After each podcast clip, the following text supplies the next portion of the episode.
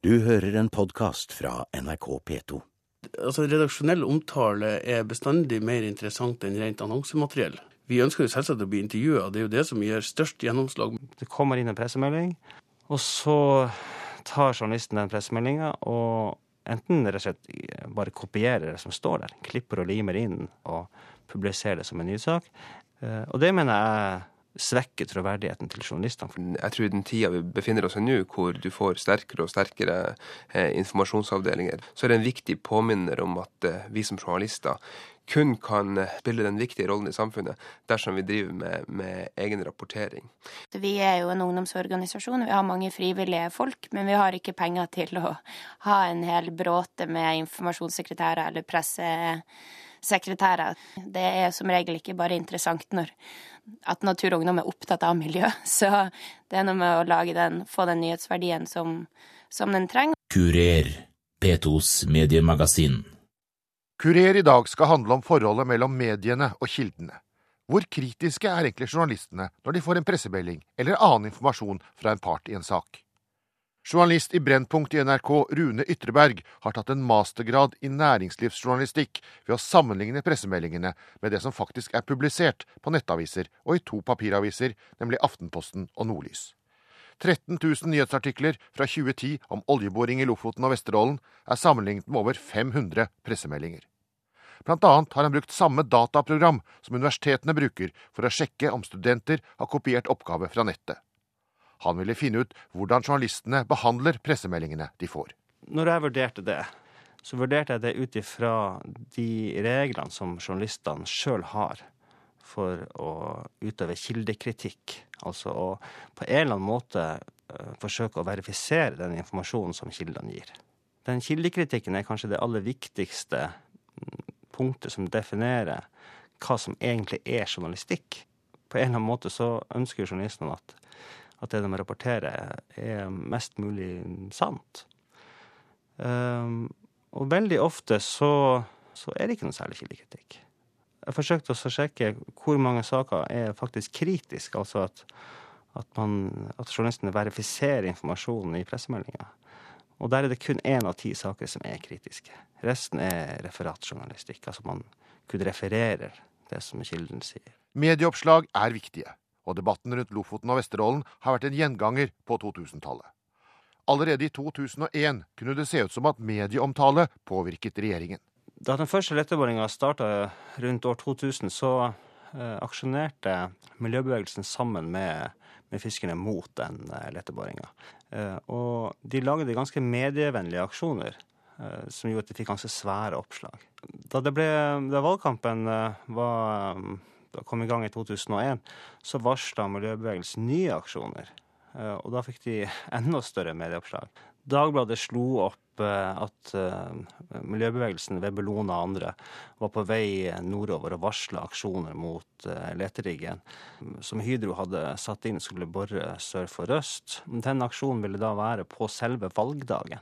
Så dagen etterpå, det tok altså én dag fra det oppslaget til til Dagbladet neste dag kunne slå opp at, eh, at regjeringa gjør helomvending og snur og stenger for leteboring. Siden den gang har de som er mot og de som er for, slåss for sitt syn i mediene. Ytreberg har konsentrert seg om 2010. Eh, de som er mot, det er først og fremst miljøbevegelsen eh, sørpå. Det er to av regjeringspartiene, SV og Senterpartiet. Det er en del av ungdomspartiene. Og så er det en del næringsinteresser Eh, nordpå, altså fiskere og en del reiselivsaktører. Eh, så har du veldig mange tilhengere. Mange av partiene. Eh, du har selvfølgelig oljenæringen. Du har veldig mange lokale ordførere, fylkespolitikere. Og så har du en veldig viktig aktør, og det er LO. Så du har veldig mange sterke, altså du har de, mange av de aller sterkeste, største organisasjonene og selskapene og partiene i Norge som veldig aktivt forsøker å, å påvirke opinionen gjennom media. Ja, Hvordan gjør de det? Hvordan går de fram? Det jeg har sett på som eh, det er jo noe av det som er synlig, og som er mulig å undersøke, nemlig pressemeldingene som de forskjellige organisasjonene sender ut. Um, og da sender de ut pressemeldinger som, hvor de ofte aktualiserer sitt syn gjennom å forsøke å legge frem en eller annen slags nyhet i pressemeldinga. Det er ofte en rapport, en ny rapport som viser at et eller annet. eller en eh, ny aksjon. Er, og da er det ofte miljøbevegelsen og fiskerne de aksjonerer på en eller annen måte. Men er det noe kritikkverdig i seg selv å publisere en eh, pressemelding hvis man sier at det er det det er? Hvis man sier at dette er en pressemelding, hvis journalisten gjør leserne oppmerksom på det, så er det i og for seg ikke noe galt i det. Det som jeg ser ofte skjer, er jo at journalisten ikke gjør oppmerksom på det. Eh, og da kan leserne få det inntrykk av at dette er en, en nyhetssak som er laget av en journalist, hvor journalisten sjøl har undersøkt det som står, og velger å presentere det for leserne. Eh, og flere ganger enn jeg hadde trodd. Det kommer inn en pressemelding, og så tar journalisten den pressemeldinga og enten rett og slett bare kopierer det som står der, klipper og limer inn eh, sitater og andre ting som er i pressemeldinga, og publiserer det som en nyhetssak. Eh, og det mener jeg svekker troverdigheten til journalistene, fordi journalistene da ikke har gjort den nødvendige kildekritikken av, av pressemeldingen og av det her PR-stoffet. Hva oppnår eh, aktørene her med å få på sitt stoff som redaksjonelt stoff? De oppnår eh, flere ting. For det første så oppnår de eh, at deres eget budskap får økt troverdighet. De låner på en måte troverdigheten til journalistene. I tillegg så får de jo spredt budskapet sitt bredt ut til opinionen. Raskt, effektivt og ikke minst billig. Dette er jo i og for seg gratis. Geir Seljeseth er samfunnskontakt for Norsk olje og gass, tidligere Oljeindustriens Landsforening i Nord-Norge. Hans jobb er bl.a. å få pressen til å skrive om norsk olje og gass sine saker. Nei, Det vet vi jo at altså, redaksjonell omtale er bestandig mer interessant enn rent annonsemateriell. Det er det jo, altså, det er jo ikke noe som, som uh, varierer fra oss til andre. fordi at vi ønsker jo selvsagt å bli intervjua, det er jo det som gir størst gjennomslag. Men også annonsemateriell er jo en del av kommunikasjonen. Men er det slik at dere forbereder teksten eh, sånn at eh, det er minst mulig arbeid for journalisten? Nei, ikke helt. Eh, det er ikke, det er ikke akkurat sånn det foregår. Men det er klart at kommunikasjonsbransjen, både den som er knytta til institusjoner, og den som er knytta til sånn folk som jobber for hvem som helst når som helst, er jo befolka i stor grad med mye av de samme journalistene som du møtte i kantina på NRK for noen år siden, eller man møtte i Nordlyskantina. Og det betyr jo at man, man tenker på mye samme måten. Og dermed så, så former man jo budskapet ut ifra det man har lært. Hva synes du om at uh, journalister uh, klipper og limer uh, nokså ukritisk fra stoff som f.eks. dere sender ut? Det er bestandig hyggelig å vite at man treffer med budskapet, men vi ønsker å ha en journalistikk som også er kritisk i forhold til det vi står for, og det andre står for, som gjør at vi kan utvikle oss i takt med samfunnet. Vi ønsker ikke å bare ukritisk ha mikrofonstativ, vi ønsker flinke journalister som faktisk kan vurdere de tingene våre. Og det, det er litt sånn sørgelig at man ender opp i en situasjon der bemanninga blir så lav at, og produksjonskravet blir så høyt at man velger de lettvinte løsningene. Det er trist for norsk journalistikk. Norge har vært et av de mest avislesende og mediekonsumerende befolkningen på kloden. Det tror jeg stopper opp den dagen alle produserer det samme, og det ser likedan ut. Rune Ytreberg undersøkte bl.a. alle norske nettaviser i 2010 for å se hvem som fikk flest oppslag. Tilhengerne eller motstanderne av oljeboring. Der er det ikke noe tvil. Der, kommer, eh, der får oljetilhengerne eh, helt klart de største oppslagene. I antall, antall aviser som publiserer deres pressemeldinger. Det kan være flere årsaker til det. Jeg tror eh, mange av de organisasjonene som har eh, vært for, og som er for oljeboring, de har ressurser nok til å leie inn konsulentselskaper som skriver en eller annen rapport. Og så kan man sende ut en pressemelding som, eh, hvor det står en ny rapport viser at.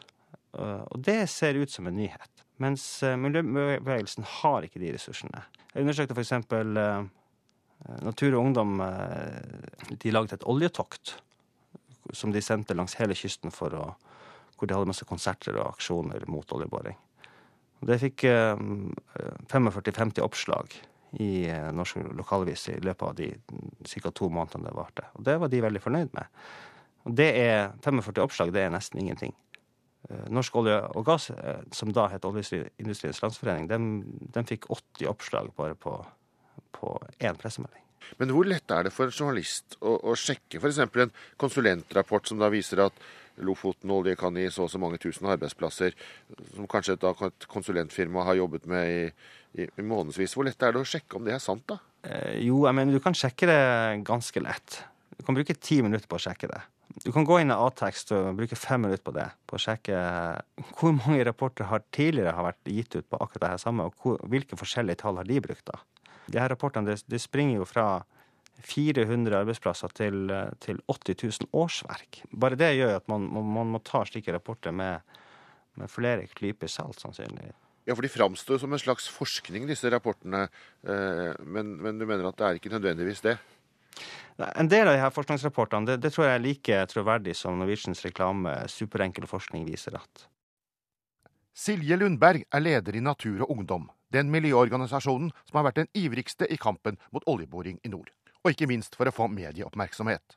Det er veldig viktig, det er ikke noe tvil om det. Det er sånn man veldig effektivt når ut til mange mennesker på en gang. Og så eh, greier man jo også å nå ut til beslutningstagere, men det viktigste med å være mye i media er jo eh, å kunne snakke med folkene der hjemme som leser i avisa, eller som, som eh, hører på radioen. Sånn at eh, for å kunne komme nå gjennom å, å gjøre et måte, inntrykk med sitt budskap, så er det helt klart en, en veldig stor og viktig del. Hvordan jobber dere for å nå fram til media for å få oppmerksomheten? Det er ulikt litt fra de ulike sakene som man jobber med, men der er det jo Altså, vi er jo en ungdomsorganisasjon, vi har mange frivillige folk, men vi har ikke penger til å ha en hel bråte med informasjonssekretærer eller pressesekretærer. Så der er det eh, mye frivillighet ute og går. Men så handler det også om å tenke både på, på vinkling, på hvordan man kan gjøre en sak eh, interessant. Det er som regel ikke bare interessant når at Natur og Ungdom er opptatt av miljø. Så det er noe med å lage den, få den nyhetsverdien som, som den trenger. Vi vet jo hvordan aviser som ikke nødvendigvis er så enige med oss, og ikke nødvendigvis skriver så mye om det vi vil. Særlig kanskje i oljesaken så er det hvor mye spalteplass man gir til de forskjellige sidene av saken, og hvordan man fronter ulike saker. Altså sånn her nå for litt siden så hadde man en, en spørreundersøkelse på, som handla om, om uh, oljeboring utenfor Lofoten, Vesterålen og Senja, hvor uh, man da hadde et flertall i befolkninga i Nordland som var mot. Uh, og da NRK sin vinkling var flertallet i nord sier tydelig nei, mens avisa Nordland sin vinkling var folket er delt. Hva gjør dere da for å, for å komme på i, i, forhold til at uh, oljeindustrien har uh, store informasjonsressurser? Målet vårt er jo alltid å jobbe mye hardere og mye lenger enn dem. at det er sånn vi til syvende og sist vinner fram. I tillegg til jo det er vi som har rett. Men der har vi så vi har ordninger på sentralkontoret som gjør at vi alltid har en, en person som er, som er på, på, plass på jobb eh, klokka sju, som uh, har ansvaret for å gå gjennom nyhetsbildet og for å både se hvordan store saker som er der, men også da hvordan saker som fortjener å bli løfta enda mer fram, og som vi kan kommentere. Ja, For dere er blant de mest aktive til å sende ut pressemeldinger og ta kontakt med mediene? Ja, det går ganske mange pressemeldinger ut fra kontoret. Det, det stemmer nok, det, altså. Dere satser jo også en del på aksjoner for å skape nyheter. Hvordan uh, slår det an? jeg mener jo at det funker bra. Det er, det er, noe som vi kan gjøre fordi vi er ungdom. Vi kjører også ut ofte sånn fotfølgingskampanje, som vi kaller det. At, at man Det har vi nå gående på, på, Jens Stoltenberg, som varer fram til Ap sitt landsmøte. Sånn at da når Jens Stoltenberg reiser rundt i landet, så skal han bli møtt av lokale NU-lag. Da skal han bli møtt med et budskap som handler om Lofoten, og at man mener at han tar feil. Så da er det både å få mediene til å skrive om det, men så er det også at statsministeren skal kjenne at her er det et, et press på han også. Nyhetsbyråer som NTB og ANB gjør at pressemeldinger spres lynraskt.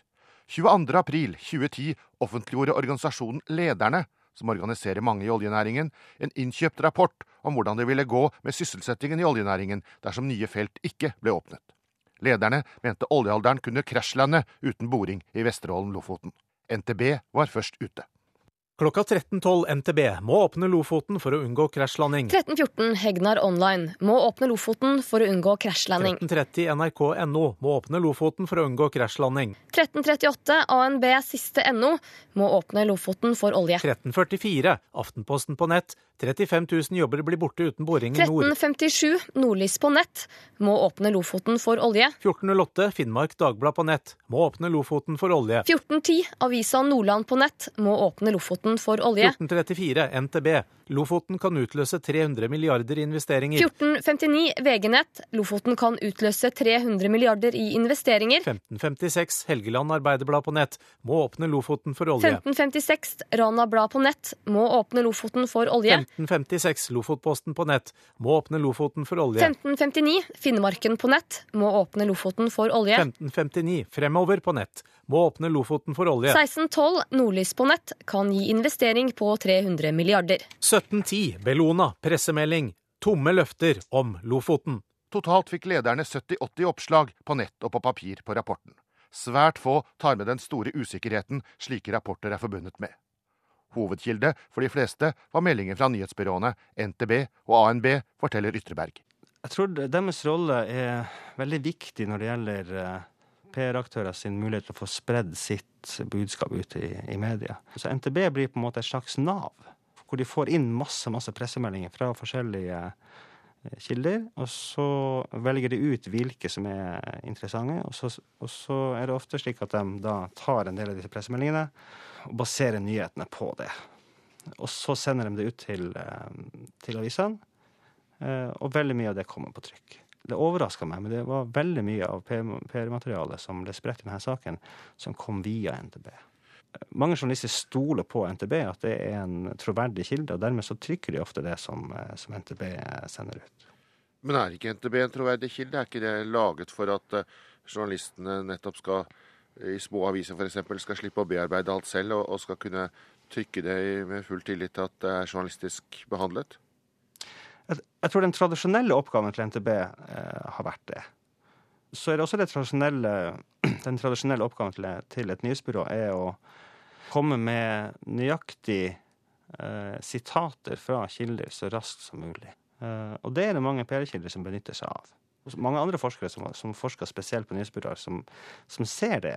At, at kilder, PR-byråer og, og, andre, andre, kilder som ønsker å få ut, spre sitt budskap ut i media, de, de møter ofte mindre kritiske journalister i nyhetsbyråene enn i vanlige medier.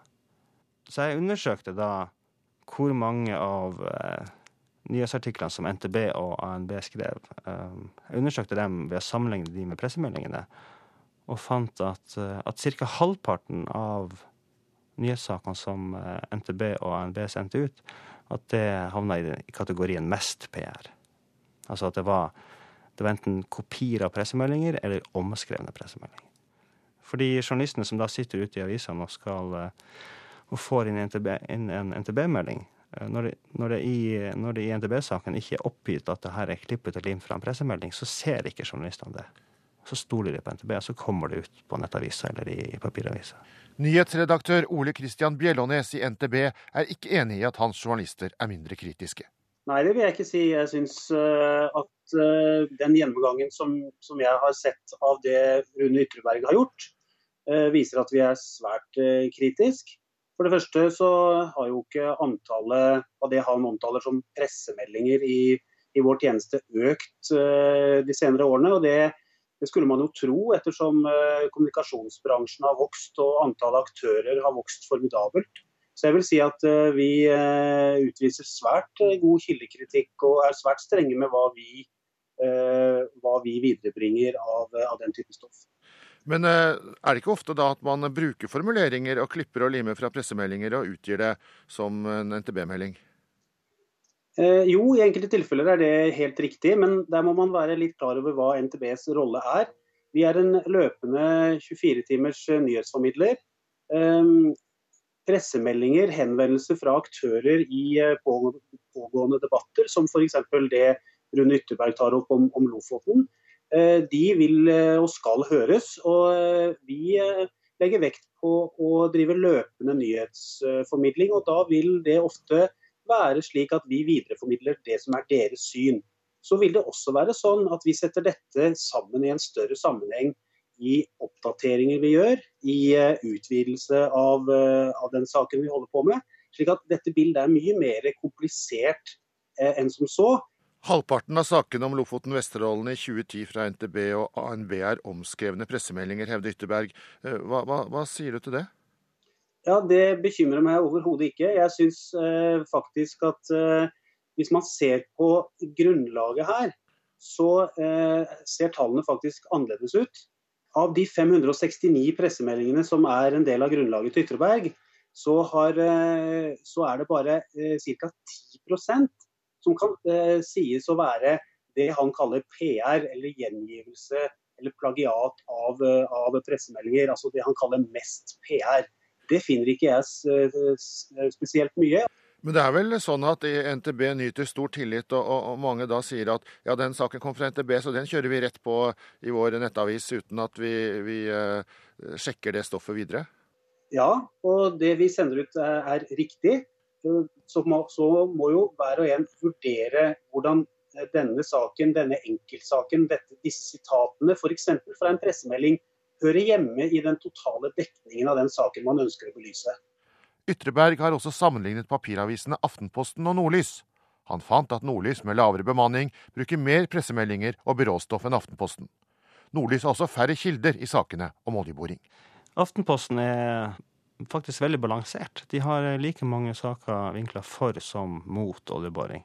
Flertallet av sakene er balanserte. Eh, I Nordlys er det ikke slik. De har langt flere saker for oljeboring enn mot oljeboring. Eh, de fleste sakene er for.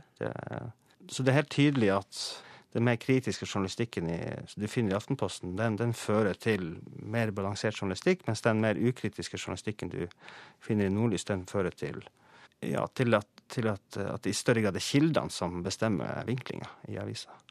Og de kildene som når fram, det er oljeindustriens kilder? I Nordlys så er det helt klart uh, oljeindustrien, uh, oljenæringa. Flertallet av sakene er vinkla uh, slik de ønsker. fiskerne de når nesten ikke fram i Nordlys. Overraskende nok. Jeg tror Nordlys hadde av alle de det var jo over 100 artikler de skrev om denne saken i 2010. Jeg tror, etter det jeg husker, så hadde fiskerne var, var hovedkilde tre ganger. Også Silje Lundberg i Natur og Ungdom mener Nordlys er tydelig for oljeboring. Ja, så Mitt inntrykk er at Nordlys er veldig for at det skal åpnes for oljeboring utenfor Lofoten, Vesterålen og Senja. Det er dem det pleier å være vanskeligst å skulle eh, både få på saker i, men også få på kommentarer eh, til Særlig de sakene som de skriver om som har med petroleum og olje å gjøre. Som gjør at det er veldig vanskelig å få igjennom miljøbudskapet der. Dagens sjefredaktør i Nordlys, Anders Oppdal, var ikke redaktør i 2010. Men han er ikke enig i kritikken det er nok ikke sånn at det er lettere for, for oljebransjen å komme til, til uh, på trykk i nordlys uh, enn en det er for, for uh, naturvernere, f.eks.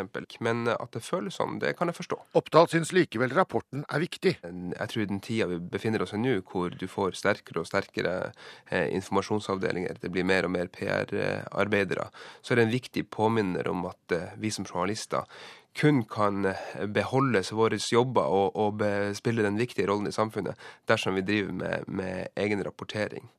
Og så er det sånn at uh, undersøkelsen helt betimelig avdekker at uh, vi nok ikke alltid har vært uh, like flinke til å gjøre jobben vår. Dette med nedbemanning, som jo veldig mange mediebedrifter er gjennom, kan det gi mindre tid til å gå kildene etter i sømmene og sjekke om det de sier faktisk er sant? Det kan jo gjøre det. Sannheten er jo, på, sannhet er jo at svaret på det er, er ja. Eh, blir du færre folk, så, så, har du også mindre kapasitet til å gjøre det. Eh, skal man ivareta eh, den nødvendige kvaliteten i, i, i, den journalistiske jobben, så er man nødt til å prioritere ganske hardt. Og i en mediehverdag hvor det fortsatt er store og mange oppgaver som skal, som skal håndteres, så er det ingen tvil om at det er en risiko ved den utviklinga vi ser, at den kontrollen kan bli noe svekka. Undersøkelsen viser også at det man kaller vanlige folk, og også fiskere i liten grad har sluppet til i, i denne debatten om Lofoten-Vesterålen i nordlys. Hvorfor er det slik? Nei, og det er jo kanskje et av de punktene som kanskje jeg har dårligst eh, samvittighet for. Og det er noe som vi har jobba ganske mye med de senere årene, å bli flinkere på oppsøkende reportasje. Hvordan ser du som uh, sjefredaktør på at uh, mens antall journalister i Norge går ned, så går antallet informasjonsmedarbeidere og PR-konsulenter opp? Ja, det er svært bekymringsverdig. Eh, og jeg er litt bekymra for den, den utviklinga, både på kort og på lang sikt. Eh, jeg legger jo merke til i innboksene i, i fellesmappesystemene våre i redaksjonen og sånt, at, at, det stadig oftere kommer fiffige løsninger med undersøkelser, med, med gjenprofesjonaliserte budskap som er egentlig kokt og klar for trykking eller publisering på nett. Eh, det er klart at det stiller enda større krav for oss til, som, er, som er presset til å være kritisk. Og klarer ikke vi å ha den kritiske sansen på plass, så vil denne her utviklinga bare skyte fart i enda større grad. Det mente altså Nordlys-redaktør Anders Oppdal.